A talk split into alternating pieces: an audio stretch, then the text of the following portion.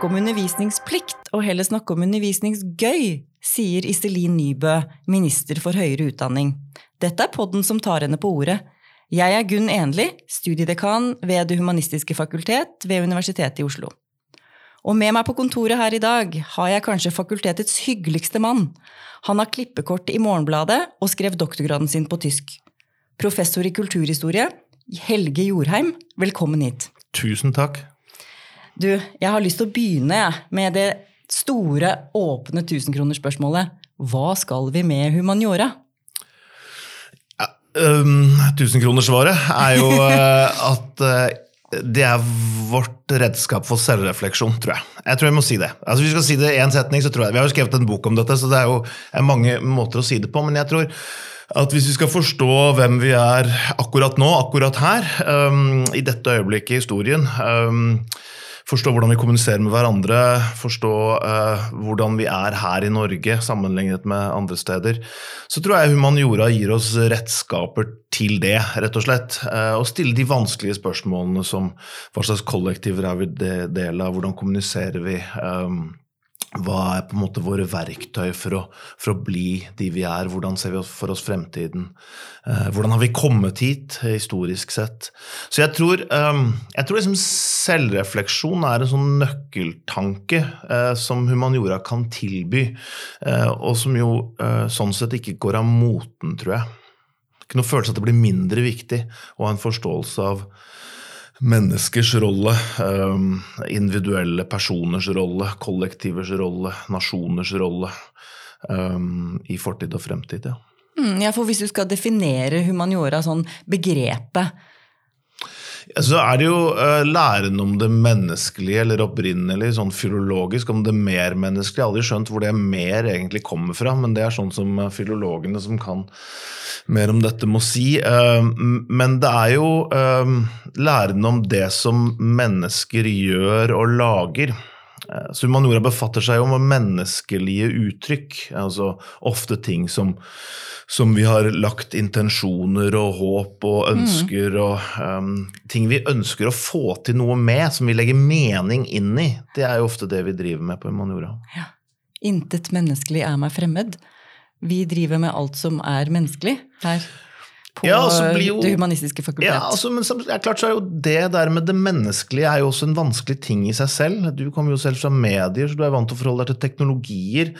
Hvor går grensen mellom menneskene og teknologiene? Når, når vi nå får mer og mer fokus på miljøet, hvor er liksom mm. grenseflatene mellom menneske og miljø? så hele, ja. Det er noe av det som er interessant med humaniora nå, er at spørsmålet om det menneskelige er blitt prekært på andre måter. Ikke bare som et, som et historisk, kulturelt, kontekstuelt spørsmål, men også som et spørsmål som har med grenseflatene våre til det vi på en måte ikke umiddelbart gjenkjenner som menneskelige, og ikke, kanskje ikke er det. Mm.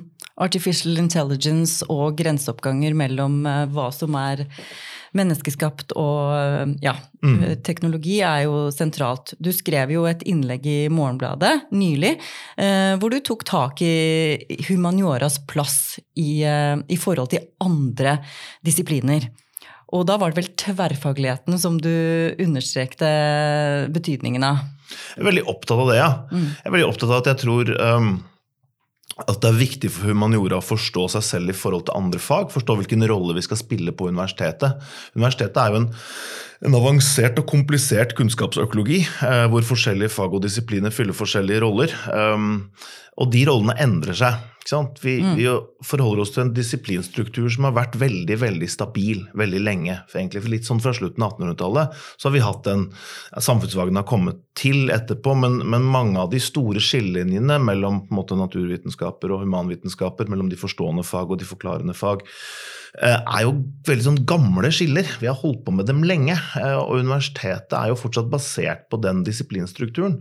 Um, og da må man jo tenke er den up to date, liksom? Er den, er den, den beste måten å organisere kunnskap på i dag eh, for å besvare de spørsmålene som vi har? Eh, løse de problemene som vi har, hvis man tenker på den måten. Så jeg er opptatt av at um, vi må prøve å finne ut og måter å justere kunnskapsordenen på, så den er bedre tilpasset uh, de kunnskapsbehovene vi har nå. Og da er jo tverrfaglighet er jo må, Jeg mener ikke vi skal kaste rundt på universitetets uh, institusjonelle struktur, men tverrfaglighet er jo den måten vi har til å prøve å finne ut ok, hva slags kunnskapsformer nå som vi ikke har hatt før, mm. er som vi trenger for å, for å forstå uh, spørsmål knyttet til store endringer i forhold til aldring, i forhold til miljøvern i forhold til liksom, the, the big questions, liksom. Ja, så du, du, vil ikke rive ned fakultetsgrensene, men at vi skal ha mer fleksibilitet i forhold til samarbeid på tvers, eh, både når det gjelder eh, fagfornyelse og eh, forskningsprosjektutvikling. Mm. Mm. Nei, jeg, jeg, har noe, jeg, har ikke noe, forslag til en mye bedre Jeg vet at det er folk som, som tenker at vi egentlig burde organisere universitetet helt annerledes. Der er jeg litt sånn Jeg ser ikke en veldig bedre struktur som jeg eh, akkurat i nå. Det kan godt hende at vi kan nærme oss det etter hvert. Men jeg er mer opptatt av um, at vi egentlig har en struktur som fungerer ganske godt, men den forutsetter at vi finner arbeidsformer både i undervisning og forskning som beveger seg på tvers. Mm. Uh, og som på en måte lager nye konstellasjoner av kunnskap og metoder um, som kan være nyttige og mer effektive og mer interessante både for studenter og forskere. Ja, fordi vi må jo koble sammen forskere på tvers av eh, fakultetene på nye måter. Eh, og vi her på HF er jo også opptatt av å verne om vår egenart. Hva som er unikt for humaniora, som vi begynte med å snakke om.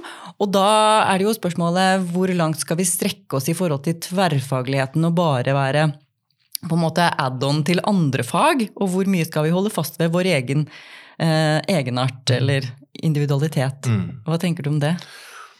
Nei, Det er vel nok et tusenkronersspørsmål, er det ikke det? Um, diskusjonen om egenart syns jeg er vanskelig. Uh, rett og slett fordi at um, um, den ender ofte med en insistering på hva som skiller oss fra andre. Uh, og det kan være nyttig og unyttig på samme tid. Uh, så jeg vil gjerne knytte egenartsspørsmålet til vår rolle i den større kunnskapsøkologien på universitetet. Hva er, hva er det vi mm. gjør? Mm. Hva er det vi trengs til, som ikke andre gjør på samme måte? Og det er klart da liksom Fokuset på historie, på språk, på mediering er jo ting som vi driver med, som ikke andre driver med på samme måte. Så jeg, så jeg mener, litt sånn egenartstenkning må vi, må vi nok ha, og jeg tror det kan være viktig. Men samtidig så tror jeg um, det der at egenart blir fort, en sånn, blir fort formulert som en sånn uh, Nesten som sånn kompetitiv øvelse. Hvem er det som har mest egenart? Eller hvor, hvor, er, hvor, hvor bra er min egenart sammenlignet med din egenart? Det er et eller annet med den diskusjonen der som jeg, jeg tror vi må være litt uh, nøye med å ikke gå inn i og tenke egenart som vårt bidrag til spørsmål som flere fag stiller. Det er det vi, det er det vi må inn i. og Det er derfor eh, mange av, mange av liksom bærekraftsmålene er interessante. fordi at de, de, sier ok, her er noen spørsmål som vi må stille på tvers av fagene. Disse, fagene fa, disse spørsmålene er ikke fagspesifikke. Og det som er, det som, En disiplin er jo utgangspunktet en, eh, en kombinasjon av en rekke objekter og en rekke metoder som man trenger, for, som man har bestemt at man trenger for å utforske de objektene. Så skal du, skal du, utforske celler, så er du biolog, eller så bruker du biologiske metoder. Skal du utforske uh, litteratur, så er du litteraturviter. Så, mellom, så, hele disiplinideen er et forhold mellom, mellom objekt og metode. Grovt sett, da. Men, men, det vi ser nå, er jo at vi opererer Vi forholder oss ofte til så, så komplekse objekter at de, de, trenger mange mange forskjellige metoder, mange forskjellige innganger. og Derfor blir spørsmålet om, om egenart mye mer et spørsmål om ok, hva kan vi bidra med? Hva er, det, hva er, det, vi har spesialkompetanse på? Hva er det vi er best på til å kunne si noe om akkurat dette spørsmålet, akkurat dette problemet som vi forholder oss til her? Men vi må definere problemene sånn at vi deler dem. Vi har delte problemer på tvers av fagene. Det er ikke sånn at, at, at problemene våre, spørsmålene våre, er, er, fagspesifikke. Vi må dele spørsmålene, og så må vi komme med bidragene våre. Og sånn er egenheten må, må forstås, tror jeg. Ja, det høres veldig riktig ut. At man har sin rolle i um, universitetsøkologien uh, og bidrar inn i forhold til andre fag, men at man også ser sin begrensning. Mm -hmm. Fordi at vi klarer jo ikke å løse alle spørsmål uh, her på humaniora-feltene. Så vi trenger jo også andre fagfelt for å forstå og løse de store spørsmålene. Absolutt. Men uh, du nevnte så vidt at du var med å skrive en uh, bok om uh, humaniora. Den het Hva skal vi med humaniora? Den kom ut i 2014. Hva tenker du har skjedd i løpet av de fem årene som har gått siden den ble utgitt? Har humaniora fått en mer sentral plass i offentligheten, syns du? Jeg syns det har skjedd veldig, veldig mye. Um, og um, når det gjelder den uh, teksten du henviste til tidligere, som jo tok utgangspunkt i Steven Pinkers bok um, Den du er, fikk i Morgenbladet? Ja, den ja. du refererte til i Morgenbladet. så var jo noe av det som var det interessante for meg når jeg skrev den, var å tenke gjennom ok, det har skjedd ganske mye med humaniora. Det har skjedd en, en veldig radikal åpning av humaniora på de fem årene, tenker jeg. At den der, vårt ønske om å forstå nettopp vår rolle i forhold til noen en del store spørsmål som vi driver med på alle fag, er blitt mye, mer, mye større. Og det mener jeg er en veldig veldig bra ting. Den der følelsen av å mm. åpne opp til liksom å til, til, å delta i noen større felt. Som jo eh, miljøhumaniora digitalhumaniora er jo eksempler på dette. At man tenker ok, eh, hva kan vi bidra med på disse feltene? Så, eh, det jo, og det mener jeg, den utviklingen opplever jeg som har gått ganske, at det har gått ganske fort siden vi skrev humaniora-rapporten. Um, så, så det, og så har vi jo hatt på en måte bidrag også fra sentralt hold. Eh, vi har hatt humanioramelding, vi har hatt eh, humanioraevaluering, som i noen grad ehm, vår rapport var med å utløse. og Derfor har det jo også på en måte vært en stor dynamikk, dynamikk i feltet i den perioden. Når det gjelder det andre spørsmålet du stiller, er har humaniora fått en større plass i offentligheten? Eh, så, så var vel kanskje Det har jo på en måte aldri vært humanioras problem at den ikke at vi ikke har hatt stor plass i offentligheten. Problemet vi diskuterte i den boka, var jo mer at eh, vi gjenkjente ikke humanioras rolle i offentligheten som fag. Vi gjenkjente det mer som sånn eh, deltakelse i diverse kulturelle diskusjoner. Og, og, og, det at det var en faglighet i det, ble jo ikke alltid eh, erkjent så veldig klart. Det var, en, det var noe av problemet. Um, så og, det andre siden av det spørsmålet er jo at det er også fem år hvor det har skjedd mye med offentligheten. rett og slett. Så hva, hva betyr det nå å ha en sentral plass i offentligheten? Den nye, dette er jo sånn som du vet mer om enn meg, men den, den nye offentligheten gjør jo fryktelig vanskelig å si. Hva er det som har en sentral plass i offentligheten nå? Altså, Det er veldig vanskelig å si. Det er i hvert fall mer fragmentert, og det skjer eh, ja, mye på deloffentligheter, som, eh, som, humaniora sikkert har sentralplassering i, men også en veldig usynlig plassering i, alt ettersom eh, hvor man er eh, og hvilke blikk man ser med. Men for å være litt mer konkret i forhold til undervisning, så var jo et av forslagene i rapporten en liberal arts-grad, som skulle gi begynnerstudentene en bredest mulig bakgrunn. Mm. Eller i hvert fall et emne, da, som skulle dere foreslo. Eh, hva var tanken bak denne ideen? Liberal arts-grader er, er, jo en sånn noe vi har opplevd flere av oss som noe som de driver med i USA. Eh, eh, og som jo er i utgangspunktet å si at vi må, vi må begynne å gi Vi må gi begynnerstudentene et bredest mulig kunnskapsgrunnlag. Ikke bare for å velge, men for å forstå de fagene de senere skal gi seg i kast med. Og det mener jeg er eh, veldig, veldig sant. Eh, vår variant av det har jo vært X-Fill. Um, men X-Fill har jo skrumpet inn og blitt en mye mindre viktig del av, av studiehverdagen. Um, den kommer senere ut i løpet for mange, den er blitt mer spesialisert. Så um, dette er et av de stedene hvor jeg tenker vi går i helt feil retning. Altså virkelig at det som vi ser nå, i hvert fall i fag jeg kjenner godt, er at vi er mye mer opptatt av å slå kloa i studentene med en gang, sånn at de blir programstudenter og holder seg til våre, det, det, det, det programmet vi tilbyr, eh, gjennom løpet. Så ser vi at, at, det er viktig å liksom forplikte dem på fag, eh, slå kloa i dem, for å si det litt negativt, tidlig. Mens tanken om en liberal arts grad er jo å si sånn nei, nei, når dere kommer hit, da skal dere få lov til å drive med alt mulig rart en liten stund. Og så skal dere måtte ta valg. Skal dere få velge en major og en minor og si at dette er det jeg er mest interessert i, dette er det jeg er nest mest interessert i. Basert på et stort, bredt grunnlag, hvor du også studerer fag fra andre disipliner. Altså En liberalskap inneholder jo også eller, eh, matematikk eller fysikk eller altså andre typer fag fra andre fakulteter.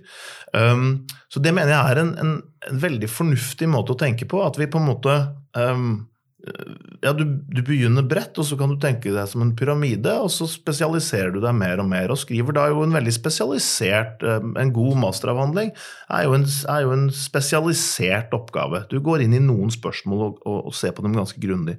Problemet nå, syns jeg, er at vi har gått for langt i å snu den pyramiden. Ikke sant? At du begynner men noe veldig spesialisert. Du må liksom erklære deg som kulturhistoriker på dag én. Det er sånn som jeg opplever det. Og det mener jeg er ikke så lurt. Og så kan du, når du da har fått lov når du da har liksom holdt deg i disiplinen i um, ja, i hvert fall til master, og egentlig ikke når du skal skrive doktorgrad, da får du beskjed om å være tverrfaglig. Ja, da er det kjempefint å være tverrfaglig. Men, men det, at vi har liksom tenkt at, at, vi, at vi skal begynne så utrolig smalt mener jeg, der mener jeg at en tanke om en liberal arts-grad som gir liksom en større som gir deg en introduksjon til denne kunnskapsøkologien vi snakker om, eh, på et tidligere tidspunkt, og også kan gi en klarere forståelse for humanioras spesifikke bidrag når du går videre i studiet, er noe vi burde uh, prøve å få til. Mm. Ja, for du har jo undervist ved New York University. Mm. Er dette noe du har plukket opp der, eller uh har du um, Ja, Dette kjenner jeg jo til som en sånn modell. Vi, det er sånn, vi har jo alle det, det, Hver gang det er en diskusjon om humaniora, så har jo liberal arts-tanken den kommer jo veldig fort opp. Og det er mye ved den som, som ikke fungerer, og at den liksom utvikles best på universiteter som har ressurser, uh, som har liksom ja, uh, endowments på ja. milliarder og et, et bitte lite antall studenter. Så det, det, er problemet knyttet til det. Det er problemet å sammenligne med oss amerikanerne alltid, fordi at økonomien er så annerledes. Men du har sett det i praksis? Jeg har, jeg har sett det i praksis, ja. Uh, jeg har hatt da jeg underviste på NYU, så hadde jeg bl.a. et kurs i tidens kulturhistorie. og der kom det jo folk fra hele universitetet. Eh, altså også folk som egentlig hadde en plan om å ta en major i et eller annet naturvitenskapelig fag.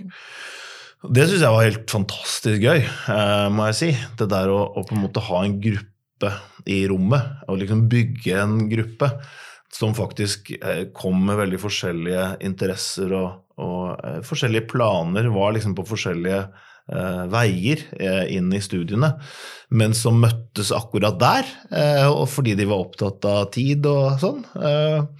Og se hvordan det fungerte som undervisningssituasjon. Det syns jeg var enormt fascinerende, må jeg si. Hvorfor tror du ikke denne ideen har fått fotfeste her på Universitetet i Oslo? Snarere vi må jo stille spørsmålet enda mer radikalt. Hvorfor har denne ideen fått mindre og mindre fotfeste? For jeg mener, Den hadde jo fotfeste X-Fil var jo en sånn idé. Eh, riktignok ja. bygd opp på en annen måte og, og gjort til et fag. Um, Men det var en inngangsport til uh, akademia og til høyere utdanning.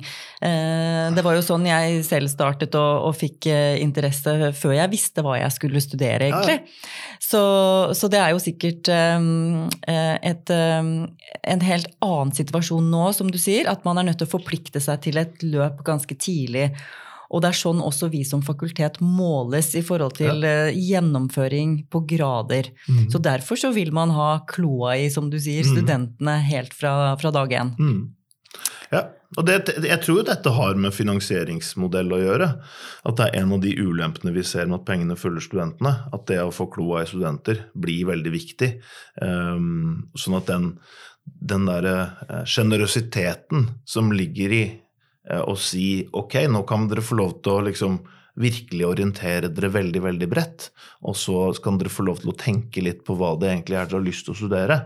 At den sjenerøsiteten eh, fins jo ikke nå i systemet. Eh, og det tenker jeg er ikke egentlig en mangel på intellektuell sjenerøsitet, primært. Mm. Men det er en uh, mangel på et, hva skal vi si, et uh, handlingsrom vi ikke har rent økonomisk sett akkurat nå, fordi det, studentene er så viktige for, for, å finansiere fagene, rett og slett. Så, så det er bare at, uh, Men det som er det skumle her, sant, det er at samtidig som vi snakker om tverrfaglighet, så lager vi oss en finansieringsmodell som i hvert fall for studentene eh, går i stikk motsatt retning. Som gjør tverrfaglighet vanskeligere og vanskeligere, og vanskeligere fordi at de blir, det, det, blir så mye penger knytta til det å mm. holde tak i dem. Men er det noen annen forklaring enn finansieringsmodellen, tror du, for at det er eh, vanskelig å få gjennomslag for denne ideen? Ja, det tror jeg. Eh, jeg tror det er noen andre ting òg, altså. Jeg tror um, det har litt med studentenes forståelse forståelse av studiene å gjøre. At studentene nok også blir oppdratt til å tenke mer at de må um, ja, de, de, må på en måte Det må stå klarere for dem fra dag én hva det er de studerer. Uh, så det har med arbeids, tanken om arbeidslivsrelevans å gjøre, det har med tanken om karriere å mm. gjøre. Um, og det er ikke nødvendigvis noe negativt heller, men jeg tror Jeg opplever at studentene blir mer bekymret av å ikke vite helt nøyaktig hvor de skal uh, med et emne eller en, et undervisningsforløp, da.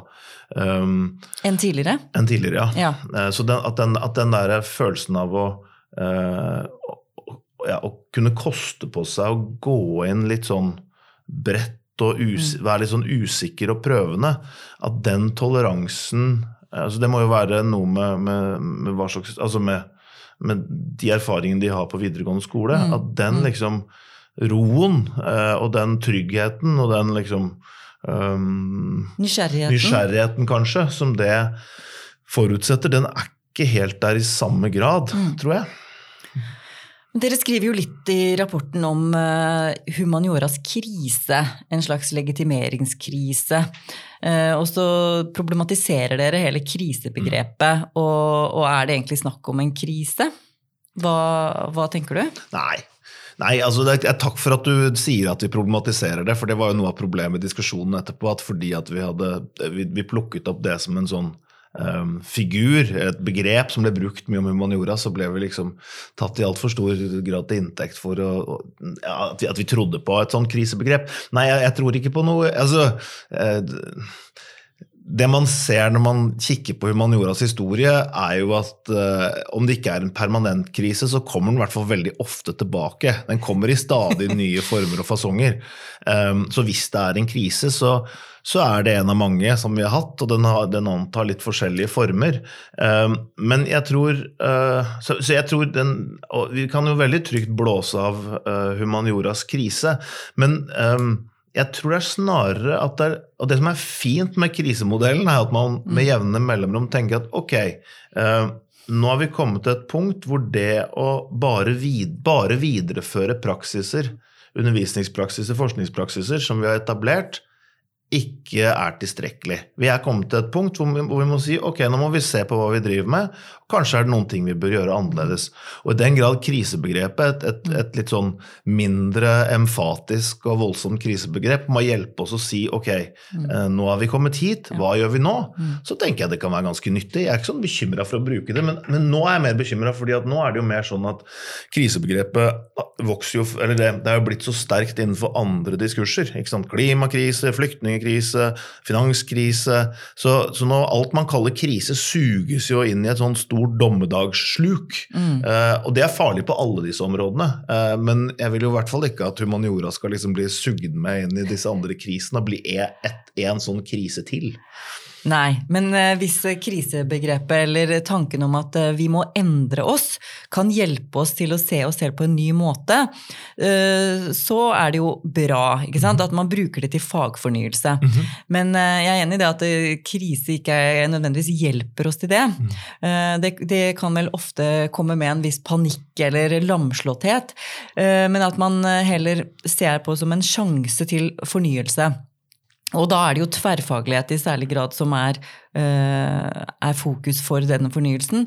Uh, men det er jo også andre ting. Det, hvordan tenker du undervisningen innenfor humaniora uh, fungerer eller ikke fungerer nå?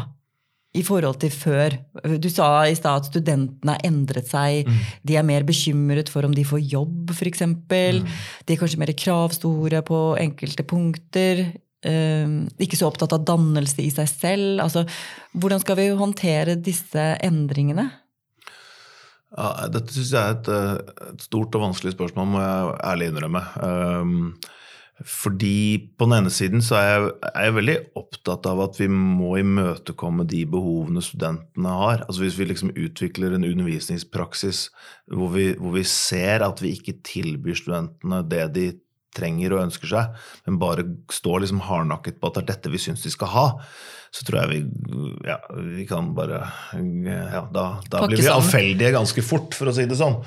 Um, samtidig så, så, tror jeg nok også um, at vi er nødt til å, å ha litt sånn uh, godt gangsyn når det gjelder dette spørsmålet om nytte arbeidslivsrelevans. Vi må vite hva vi snakker om. Dette er også et vanskelig spørsmål, men mm. vi må um, jeg, jeg, tror at hvis vi eh, definerer arbeidslivsrelevans for spisst innenfor våre fag, så fratar vi studentene våre en av de tingene som har vist seg gjennom mange år å være en av deres store liksom, assets på arbeidsmarkedet, nemlig at de er ganske breie. De er ganske breie, kompetente innenfor kommunikasjons- og kulturfeltene. Ja, de kan brukes til mye, de kan mye, de er ja. åpne, og ikke minst så vet de hvordan de skal lære. Ja. De er analytiske. Vi, vi, leser jo stadig rapporter om hvordan HF-studenter gjør det i arbeidslivet, hvordan de blir vurdert eh, i forhold til kompetansen de har tilegna seg her. Mm. Og da er det jo veldig slående at de har scorer veldig høyt på, på disse parametrene som, som, de jo trenger i arbeidslivet. Ja. Uten at det er spesifisert et bestemt yrke. Nettopp. Samtidig så vil de lure på hva kan jeg bli med dette. De må kanskje svare på det når de forteller foreldrene sine hva de har valgt å studere. Mm. De må kanskje svare på det overfor seg selv når de mm. tar opp studielån. ikke sant? Mm. Så det er et dilemma, det der. Definitivt. Så vi, vi må jo hjelpe dem. Eh, vi må jo, vi må jo snakke om relevans, og vi må snakke om nytte. Og vi må hjelpe dem til å um, til å holde det litt sånn åpent, til å skjønne at relevans ikke er det samme som profesjonsutdanning. Mm. Fordi at i det øyeblikket vi liksom går for langt i å profesjonalisere for mange av studiene våre, så tror jeg vi, vi mister en, en, eh, en, mulighet til å gi studentene våre en kompetanse som de tradisjonelt har hatt veldig, veldig god bruk for, og som har brakt mange av dem veldig langt. Og så er det også noe med nå skal ikke jeg dra liksom, tanken om samfunnets akselerasjon for langt, men jeg, jeg, tror mange føler at vi er i hvert fall ikke på et punkt i historien hvor ting forandrer seg saktere enn de pleier, på en måte, eh, hvis man kan snakke på den måten. Um, og det da å, å, ha veldig sånn faste meninger om hva slags spesifikk kompetanse uh, som man trenger om ti år Akkurat nå da, skal man, da, skal man, være en ganske sterk spåmann. Altså. Eh, og det når, da, når, det vi forvalter, er en, en tradisjon for å gi brede eh, bred kompetanse, bred kunnskapsbase, bredt sett med metoder, bredt sett med arbeidsformer. Altså vi, dette er punktet hvor vi skal liksom si at vi må veksle det inn i en mye mer profesjonalisert utdanning. Akkurat nå, det syns jeg heller ikke virker som en kjempegod idé, må jeg innrømme. Ja, ikke sant? Så du syns timingen er dårlig for å tilrettelegge våre studier for et arbeidsmarked som finnes nå per 2019? Mm. Fordi både arbeidsmarkedet og samfunnet vil ha endret seg antageligvis dramatisk i løpet av bare de neste 10-15 årene. Mm. Mm, det, men hvordan tenker du i din egen undervisning når du forholder deg til studenter? Tenker du liksom på hva slags jobber de skal få? Eh, tar du med deg studentene på ekskursjoner til liksom, bedrifter, eller eh, har du kontakt med arbeidslivet når du eh, utvikler studiene dine, eller er du helt på det akademiske planet? Jeg må innrømme at jeg kommer jo fra en tradisjon som har vært veldig akademisk, og står jo fortsatt med det. Nå er jeg så heldig at jeg er på et fag um, kulturhistorie, som jo har noen veldig sånn interessante grensesnitt med arbeidslivet. Uh, fordi at um, særlig i forhold til museer og andre kulturarvsinstitusjoner. Sånn at når jeg, jeg har laget utstilling med studentene mine på, nat nei, på Kulturhistorisk museum f.eks. Um, og det, dette tar jeg ingen ære for, egentlig. Dette er fordi at uh, andre, Brita Brenna og andre har bygd opp et museologistudium som har en veldig sånn flott interaksjon med um, den, den, sektoren, da, og som mm. jeg har kunnet gå inn i og være en del av. Mm. Um, så, så, sånn sett så føler jeg at jeg har fått mye gratis til akkurat det, da, til å begynne å tenke rundt det der. Um, samtidig som jeg også, også og, dermed også kunne si til studentene Eller mange av studentene har jo et ønske om å gå inn i den sektoren og ønsker seg kompetanse, har, har sånn et kompetansemål selv, mm. som, som, er rettet inn mot den sektoren. Og det er veldig interessant. ikke sant? Eh, samtidig som eh, vi ser også at de som skal gå inn i kulturarvssektoren, som er også en sektor som forandrer seg relativt radig akkurat nå, de, de er også avhengig av en, en, bred, en bredest mulig kommunikasjonskompetanse eh, og kulturkompetanse og historiekompetanse i bånn. Så der er det jo også sånn at, vi, at for mye spesialisering ender med å bite seg sjøl i foten da, på en måte måte. Um, mm. Mm. Jeg har hørt uh, bli sagt om deg at du som underviser er veldig inkluderende, og at du er flink til å få med deg studenter i diskusjoner i, i både seminarer og forelesninger. Mm. Uh, er dette noe du bevisst uh, jobber med, eller er det liksom naturlig for deg? Det er noe jeg bevisst jobber med, ja. Altså jeg, jeg, tenker for meg, så det, det, viktigste tror jeg, som jeg har skjønt, det er at du at det å undervise um, er liksom å lage et fellesskap. Liksom, hvis mm. man greier det, å tenke at å gå inn i klassen eller i timen eller på seminaret og gi en følelse av at dette er noe vi holder på med sammen. Dette er ikke noe som, som jeg, jeg, gjør i forhold til dere. Eller det er ikke noe dere skal levere til meg, men det er noe vi driver med sammen. Dette seminaret som vi holder på med, det blir aldri bra hvis ikke alle deltar i det. Og det å liksom tenke undervisning som fellesskap, som fellesskap som også har sosiale komponenter, som har liksom øh, øh, kommunikasjonskomponenter, finne måter å snakke på, øh, det er for meg helt sentralt. Og det, eh, for meg har det nok kanskje vært det mest sentrale med det å undervise, å, føle at jeg kan liksom få til å forme en gruppe, sånn at de, det føler at vi holder på med noe her. Til sammen så skal vi liksom uh, lære noe av dette, få til dette, uh, bli flinke, vite mer. Mm. Det tenker jeg er veldig viktig, uh, og har kanskje vært en sånn retnings, litt sånn retningsgivende for meg, tror jeg. Ja, og det fellesskapet er også det som gir deg energi som, som ja. lærer eller foreleser. Ja. Men hva skjer da hvis du opplever at det butter, eller når er det du opplever at det er vanskelig å undervise? Nei, det er jo Altså jeg, jeg, er veldig sånn energi- og entusiasmedrevet. Det er veldig vanskelig hvis jeg kjenner at jeg ikke Hvis jeg liksom prøver å investere alt det jeg har av krefter og energi inn i en gruppe, og ikke får noe igjen.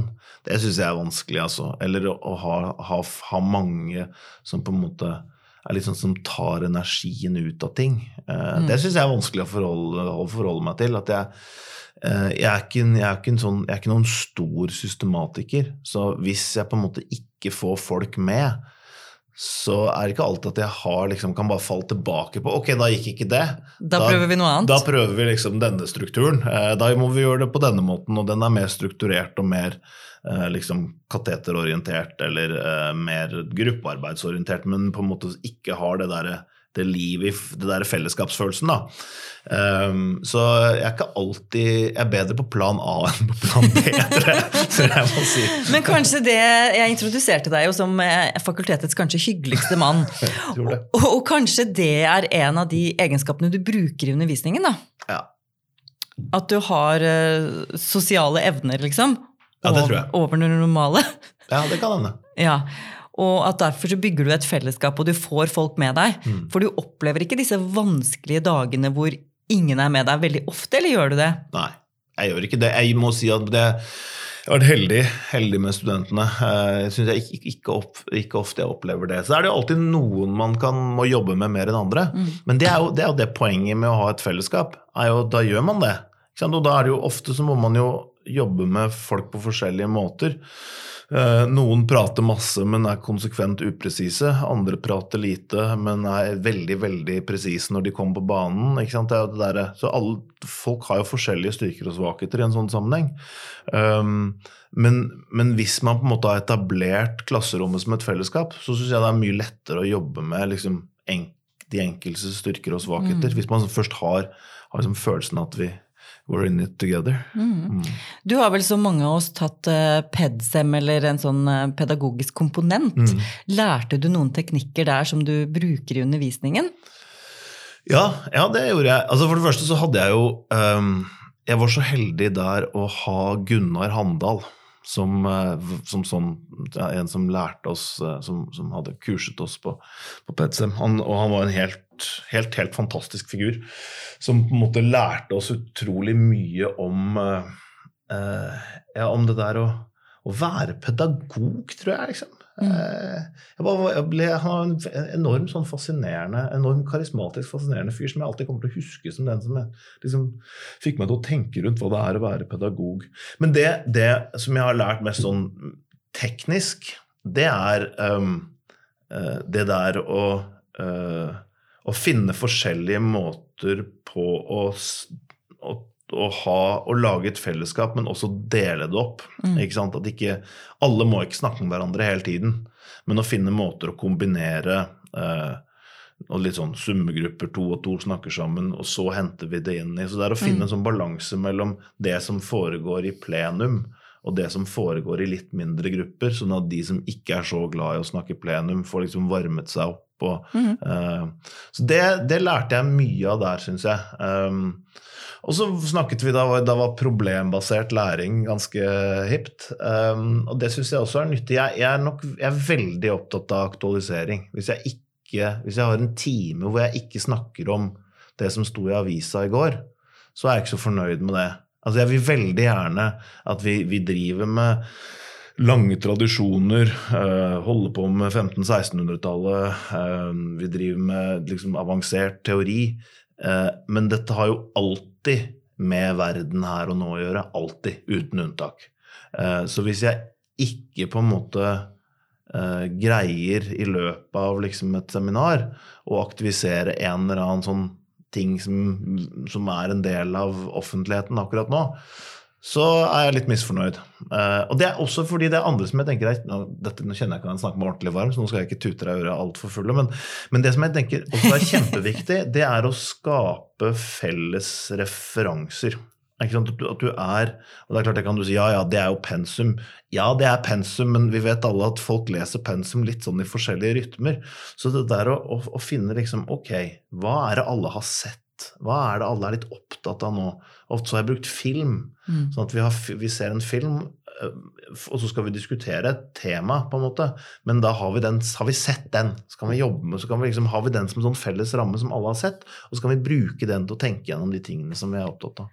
Ja, og det merker jo jeg i undervisningen i medievitenskap, at det er mye vanskeligere å finne de fellesreferansene nå. Fordi mm. alle har ikke sett Dagsrevyen, alle har ikke hørt Dagsnytt 18, alle har ikke sett på Dynastiet. Altså den, den fragmenterte medievirkeligheten ja. gjør jo at det er vanskeligere å få til. Det er ikke engang alle medievitenskapsstudenter som leser nyheter. Ja. Men det å finne aktualitetsknagger, mm. det tror jeg er en nøkkel her. Mm. Og alle følger jo sånn mer eller mindre med, med på, på nyheter, enten det er mm. gjennom mobilen eller Facebook eller det ene eller det andre. Så, så, det klarer du altså. Mm. Å finne aktualitetsknagger til mm. absolutt alle temaer eh, i, i kulturhistorien. Ja. ja. Det er jo mer og mindre vellykka, selvfølgelig. Mm. Men det er alltid det, det, tror jeg vi må si. Men, eh, men ja. Det er i hvert fall alltid et mål, og jeg tror ikke det går en time uten at jeg gjør det på forskjellige måter, nei. Mm. og så er det jo av og til at det er bom, selvfølgelig. Nettopp for, fordi det er som du sier, at, at uh, litt sånn i ekkokammerets tidsalder så er ikke min uh, medieoffentlighetsvirkelighet Min aktualitet er ikke nødvendigvis deres aktualitet. Mm. Og så må vi jo drive da og forhandle litt. Men det er også en erfaring å se. Vi må forhandle litt om hva som er fellesplattformen her. Det kan være litt sånn forskjellig. Um, mm. men, men ja, det er målet. Men hvordan var det du selv fant fram til faget ditt, eller eh, din på en måte ferd mot å bli professor i kulturhistorie? Ja, det er jo et godt spørsmål.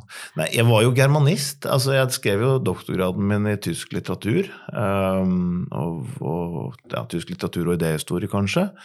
Og var fryktelig glad i det, egentlig.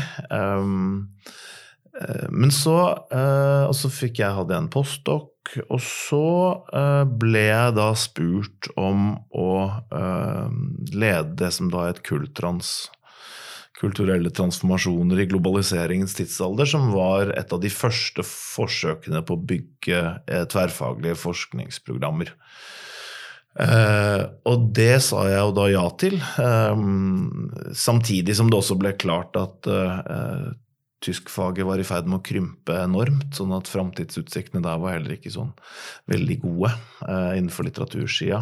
Ja, akkurat. Um, så da fant du et litt uh, nytt felt som Ja, og så var jeg jo da liksom Så jobbet jeg jo med uh, en veldig sånn bredt med kultur og globalisering uh, i en Jeg er jo selv liksom 1700-tallsforsker, egentlig mest, mest opptatt av 1600- og 1700-tallet, så det, det, var naturlig for meg å ha et litt sånt langt historisk perspektiv på det.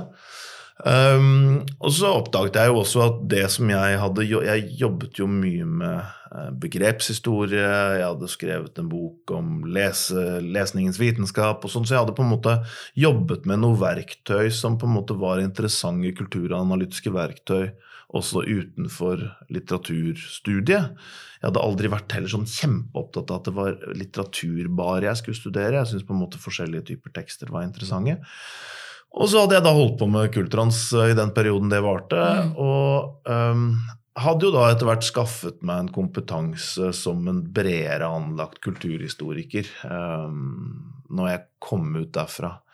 Så, så, men jeg må jo si at jeg jeg er fryktelig glad i faget mitt. Men um, det er nok ikke Det finnes nok folk som har en sterkere disiplin, disiplinær identitet mm. enn meg. Det tror jeg. Jeg, jeg, er, nok, jeg er, nok, litt sånn um, Jeg driver med historie og tekster og sånn. Og så prøver jeg å aktualisere dem ofte. Men, men det der å si at jeg, ja, at jeg, identifiserer meg veldig med et bestemt fag. Hvis noen kom til meg og, sa, og fortalte meg at jeg ikke skulle drive med historie mer, så ville jeg nok blitt stressa. Men bortsett mm. fra det, så tenker jeg at um, ja. Ja, Så det historiske er noe av uh, din sterkeste lidenskap, da. Ja. Men uh, kan du knytte det an til uh, liksom Eh, tidlig skolegang? At din interesse for historie, eller kom det fra ditt eh, barndomshjem? Eller liksom, var det noen spesielle lærere, eller noen spesielle mm, måte, deler av utdanningsløpet ditt som peker i den retning? Hva var det som formet deg? Ja, det, det var nok Altså, eh, jeg tror jeg kanskje det er viktig Jeg hadde en pappa som var fryktelig opptatt av historie. Han, han kom fra Han var liksom første som fikk utdannelse fra en gård i Hemsedal, på en måte. Og var veldig, veldig opptatt av sin egen reise og på en måte bruddet mellom den kulturen, den bondekulturen han var vokst opp i, og den sånn teknologiske, medisinske Han ble lege. Eh, medisinske kulturen som han hadde kommet inn i. Så han var veldig opptatt av og skrev mye om det. Eh, opptatt av det. Um, så, jeg, så, jeg, tror det, og, og, og den, der, den der blandingen av hans sånn voldsomme behov for å vite hvem som har vokst opp på enhver gård, og hvor det var blitt av dem, liksom. Eh, og den der like store fascinasjonen for Uh, nye kreftmedisiner. Syns jeg alltid det var noe sånn veldig veldig flott ved. da. Så jeg tror nok noe kommer derfra. Og så var jeg samtidig ble jeg spurt hele mitt liv om jeg skulle bli lege. Og da blir man jo veldig opptatt av å ikke svare ja på det, sånn hvis man er litt sånn opprørsk på et eller annet tidspunkt. Så dette er ditt opprør? Jeg vet ikke, det, Pappa syntes det var utrolig flott at jeg drev med historie, så noe opprør var det nok ikke. Men, men en, jeg kommer fra en sånn legefamilie, ja, ja hvor det liksom leger er Det fins litt leger her og der. Um, så det å ikke liksom gå den veien var nok ok for meg å tenke på. Mm. Mm. Virker som det har vært et uh, riktig valg. Du trives der du er i dag. Ja. Eh, jeg har tre faste spørsmål til slutt. Eh, vi har jo vært litt innom det, men eh, har du noen tips til andre lærere eller undervisere? Um, altså, jeg tror Nå har jeg allerede snakket om at jeg tror det er veldig viktig når man kan, å prøve å, å bygge fellesskap i, i læringsrommet. Og det er klart at det er lett lettere når man er på et litt mindre fag som kulturhistorie, når man har sånne 200-300 mennesker eh, i, i undervisningssalen. Jeg tenker det er viktig. Og så tror jeg Jeg tror jo også um, veldig på um, på å være en type lærer som tør å være usikker og tør å spørre og tør å ikke, ikke alltid være skråsikker på alle svar, men liksom tenke at vi er, vi er, på en felles kunnskapsreise her i dette rommet. Eh, der må alle bidra. Eh, det er ikke sånn at jeg, jeg står ved enden av denne reisen og forteller, kan liksom si at nå skal det til venstre og så nå skal det til høyre. Vi står her. Vi, mm. liksom, vi beveger oss sammen. Da. Det tenker jeg er en sånn enorm viktig følelse å gi studenter. Det ansvaret skal de få, og det ansvaret skal de ta. Ja, veldig bra. Uh, har du noen drømmer eller uh, visjoner innenfor undervisning? Noe du har lyst til å få til? Jeg, jeg, syns, å undervise sammen med folk er mm. helt fantastisk. Jeg elsker å undervise sammen. Jeg hadde et sånt seminar på NYU ja. hvor vi var to stykker hele tiden. Eh, og kunne sitte sånn og, og Vi hadde en viss sånn idé om hvem som skulle gjøre hva. Veldig sånn uklart, men vi kunne sitte sånn og å drive sånn litt sånn teater med hverandre. At man liksom er uenige om ting. Og, og, studentene elsker jo å se lærere som ikke er enige. Det syns de jo er helt fantastisk, og de er jo helt fantastisk. Ja, og den dialogforelesningsformen eller ja. undervisningsformen som du beskriver, den, den, bidrar jo til å vise studentene at det ikke er noen eh, endepunkt på reisen, eller at alle utforsker problemstillinger, og at det er ulike standpunkter og ulike perspektiver. Så min drøm er å kunne gjøre det med noen som kommer fra et annet fag. Som mm. kommer fra medisin eller biologi eller fysikk altså ikke sant, Det der å kunne sitte og, og prøve å se hvordan kan vi få til det å ha en studentgruppe. Det er ikke sikkert det ville gå, man måtte jo mm. kjenne hverandre personlig ganske godt. Men å sitte og ha den type sånn dialogundervisning med en som i utgangspunktet kom fra et annet sted, om en mm. studentgruppe som var blandet, og se kan vi få til det, liksom? Hva, hvor, mm. hvor går vi hen da? Og sånn som jeg er opptatt av tid, så jeg vil jo gjerne at dette skulle handle om tid, selvfølgelig. Men å sitte liksom med en med en biolog og en fysiker i rommet eh, og, og, snakke om, om, forskjellige deler av hvordan vi erfarer tid, og hva tid det er. det syns jeg måtte vært helt genialt. Ja, og jeg møtte deg jo utenfor biblioteket på eh, New York University, og da, da var det tydelig at du trivdes veldig godt med å, mm. å være i New York og å undervise der. Mm. Og denne muligheten til å undervise sammen med andre var noe som fascinerte deg. Mm. Hvorfor legger de opp til det så mye der? Tror du? Det er jo fordi, og det er det flotte ved de universitetene, de veldig gode private universitetene som har mye ressurser, um, det er jo at de sier jo egentlig til sine ansatte um, undervis det dere har lyst til. Det, det, jeg, jeg, kunne få lov til å velge helt hva jeg kunne lage to, jeg skulle lage to kurs, liksom. Jeg kunne få lage dem akkurat om hva jeg ville. Eh, og hvis jeg hadde lyst til å ha, og så hadde jeg lyst til å gjøre det ene sammen med mm. en, en, kollega, og da vi, fikk vi lov til det. sånn at den der tanken om at uh, vi underviser aller best om de tingene vi også forskningsmessig er mest opptatt av, um, det er jo en sånn en utrolig morsom utfordring å få, da. Uh, som, som, var på en måte utrolig uh, ja, Hva skal vi si lie, altså sånn, Ga meg masse energi da jeg var på NHU. Mm. Ja, Så den var forskningsbasert, den undervisningen du ga, mm. i større grad enn den du gir her på Blindern? Ja, fordi at uh, det, det, er, det, var ikke noe Jeg kunne undervise akkurat hva jeg ville. De har noen få sånne one-on-one-kurs som må gis. Men bortsett fra det, så, så, det jo, så sier de jo til sine ansatte lag deg et kurs du har lyst til å undervise. Mm. Um, det må på en måte bredt forstått være innenfor feltet. Men jeg var jo, jeg var jo, på, eh, jeg var jo på, engelsk. Jeg var liksom på Department for English. Var alltid litt redd for at noen skulle komme og spørre meg om den viktorianske romanen, men de gjorde ikke det. Eh, men der, der, drev de jo med alt mulig. Men Så jeg hadde jo tidens kulturhistorie eh, og Conceptualizing the World, helt med mine to kurs som jeg holdt det ene semesteret der. Uh, og de engelskstudentene mine de, de, leste liksom Einstein, og de leste Bergson, og de leste Og det var, det var ikke én gang jeg ble spurt om du. Eh, proff, liksom, er dette, er dette, English literature? Jeg kan liksom ikke helt se hvorfor. Jeg fikk ikke det spørsmålet én gang. Det syns jeg var uh, veldig veldig fascinerende. Altså. Så den derre der friheten til å tenke ok, det, um, det, jeg forsker på, er det jeg kan best. Og deres sånn uh, tanke om at ja, ja, det han forsker på, det er vel det han kan, kan best. Uh, og den derre helt sånn ubekymretheten til, i forhold til ja, men hva har dette med engelsk litteratur å gjøre? Det syns jeg var utrolig befriende. det må jeg bare si. Ja, tror du at du ville fått det spørsmålet i uh, forelesningssalen her på Blindern? Ja. Jeg, altså, jeg tror jeg opplever at studentene her er mer eh, opptatt av um, om det de lærer A er pensum, B er liksom eh, det de burde lære. Um, så jeg tror fort den bekymringen at dette virkelig er det de uh, har liksom meldt seg på for å lære, er det de får den tror jeg ville komme tidligere her. Men det med, dette var jo folk som tok en liberal, liberal arts-grad. ikke sant? Ja, Så da er vi tilbake til den um, forskjellen igjen. Ja. Mellom å starte bredt og starte smalt. Uh, nå er siste spørsmålet her, og det er jo litt mer sånn trollmannspørsmål. da. Hva tror du er den største forandringen innen høyere utdanning om sånn ca. 15 år?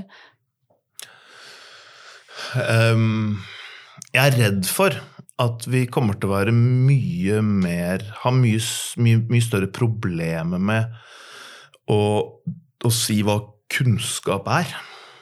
At, at, vi kommer til å måtte bruke mye, mye mer tid på å liksom um, uh, Hva skal vi si Sikre og forklare studentene våre hva, hva, hva som er kunnskap, hva som kan kvalifisere som kunnskap hva som ikke er liksom fake news, eller hva som altså, Jeg tror vi må lære studentene våre mye mer om hvordan de gjenkjenner kunnskap. Hvordan ser vi at noe er vitenskap, kunnskap, og ikke bare eh, bare, men ikke journalistikk eller ikke politikk eller ideologi.